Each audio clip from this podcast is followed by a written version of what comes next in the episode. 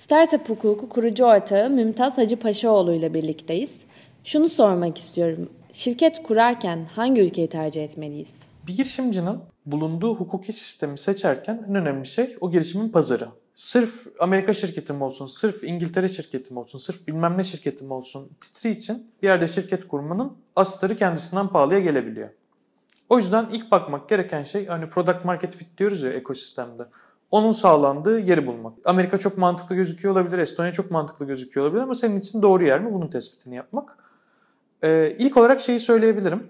Çok fazla Türkiye bağımlısı bir iş yapıyorsanız, e-ticaret gibi, işte B2B satışın, işte yani kurumsal satışın çok fazla döndüğü bir yer gibi belki de en mantıklı şey Türkiye şirketi sahibi olmak oluyor. O yüzden onu bir kenara koyayım. Çünkü yurt dışı şirketi girdiğin andan itibaren hayatına stopaj diye bir şey giriyor. Stopaj da KDV'den düşülmediği için kurumsalların hiç sevdiği bir şey değil. Çok uluslu şirketler için çok normal ama burada bir gidiyorsun inanılmaz sorun yaşıyorsun.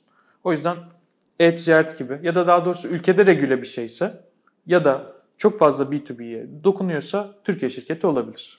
Ama ürünün çok dijitalse, yazılım tabanlıysan, işte software as a service SaaS'san o zaman globale açılmaya çok daha müsait oluyorsun. Çünkü sen bile yerden bağımsızken e, bulunduğun yerden bağımlı olman çok da beklenemez. O noktada bu dijitalliği izin veren birkaç yer var dünyada.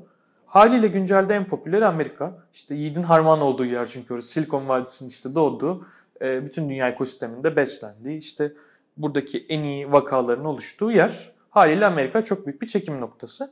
Orası da biliyorsun eyaletlerden oluşan işte federatif bir sistem. Her eyaletin kendine göre yoğurt işi var ve bambaşka şeyler karşına çıkıyor.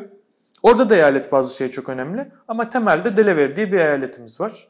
İlk bir herkesin korktuğu ya da teknelerde çok gördüğü için ya acaba burada kaçak bir şeyler mi dönüyor dediği eyalet ama dönüp verilere baktığında da işte Amerika şirketlerinin genel merkezlerinin %80 civarının bulunduğu yer orası. Hepimiz bir caddedeyiz böyle çöl caddesindeyiz. Ee, orada bulunuyoruz. Niye bulunuyoruz? Bir, her eyaletin normalde kendine göre bir gelir vergisi rejimi var. Amerika dediğiniz yer adına franchise tax dediği bir sabit vergi bulunduruyor. Sen bir yerde atıyorum işte 100 bin dolar kazancının %30'unu vergiye verirken Delaware'de 420 dolar kazancından bağımsız olarak verip kurtuluyorsun. İki, günlük hayat kolaylığı. Ne demeye çalışıyorum? İşte fatura keseceksin mesela. Faturayı kestin, faturanın üzerine kahve döktün Türkiye'de. İşte ne bileyim anlaşmalı matbaada sorun çıktı, noter onayında bilmem ne oldu gibi bir sürü ihtimal var. Ya da işte 1000 lira fatura kesmen gerekiyordu, 10 bin lira kesmişsin. Adama da göndermiş bulundun. İşte iptal edeceksin, ters fatura keseceksin, muhasebeleşeceksin. Saçma sapan bir sürü şeyle uğraşıyorsun. Amerika'da şöyle oluyor. İşte Word'de bir tane hazırlıyorsun. Ee, işte 10 bin dolardı pardon diyorsun. Word'ü düzeltip PDF yapıp gönderiyorsun. Sonra da düzelttim diye not ediyorsun. Hayatın bu kadar kolay gerçekleşiyor. E, tabii işte kendi başına Amerika şirketi olmanın havalı, işte yatırım yapılabildiği falan gibi pek çok şey geçiyorum. Çünkü işte Y Combinator'a kabul aldın. Hayırlı olsun dediği gün sana Delaware'de bir C Corp yani buradaki anonim şirketin muadilini kuruyor. O yüzden o kadar da dünyada geçerli olan bir şey. E, aynen orada da Amerikan gelir vergisi ödeniyor. O yüzden böyle kaçak bir durum da yok. Gayet mantıklı Delaware. E, hatta masraf olarak da ucuza geliyor biliyor musun? Mesela işte şu kitabı hatta bak reklamda yapıyor. Kitabı yazarken e, hani şey detayına inmek zorunda kaldık maliyetlerin. Burada bir anonim şirket kuruyorsun. Bir de orada C Corp kuralım. Beraber karşılaştırayım sana. A şey kurmak için en son bir ucuzlattılar ama 3000 lira, 3-5 bin lira arası muhasebeci parana göre bir para ödemen gerekiyor kuruluşta. 50 bin lira sermaye taahhüt etmen ve onun 12.500 lirasını bloke etmen gerekiyor falan filan. Böyle bir kuruluş masrafından bahsediyoruz. Burada, e, burada diyorum Amerika'da, Amerika'dayız şu an. Amerika'da e, işte herhangi bir servis seçiyorsun. İşte ne bileyim Clementa'yı seç, Stripe Atlas'ı seç, işte US Formation seç, bir yeri seç. İşte biri 350 dolar, biri 500 dolar, biri 600 dolar. Tıkla, şirketin kuruluşu tamam. Masraf bu. Sonra işte post incorporation yapabilirsin, yapmayabilirsin. İşte hani şirketin sonraki işlemleri, işte daha az vergi ödemen için gereken düzenler, işte şirketin yöneticilerin sorumlulukları falan. Bir sürü böyle 26 farklı evre. Bunu da yaptın. Bu da taş çatlasa 500 bin dolar. Yani böyle bin küsür dolara kurabiliyorsun. Neredeyse aynı para. Şirketi sürdürmeye geliyorum. Türkiye'de işte muhasebecisi, KDV2'si, muhtasarı, bilmem nesi, damga vergisi geçen sene için hesapladık 2018 için. 12.660 lira şirketin yıllık açık kalma maliyeti var. Bu arada hiç sigortalı çalışan koymadım. Hiçbir şey, çay bile almadım şirkete yani öyle düşün. Amerika'da bir 420 dolar franchise tax veriyorsun. Bir de registered agent'a 50 ya da 100 dolar veriyorsun. Taş çatlasa 500 dolarlık bir olaydan bahsediyorum.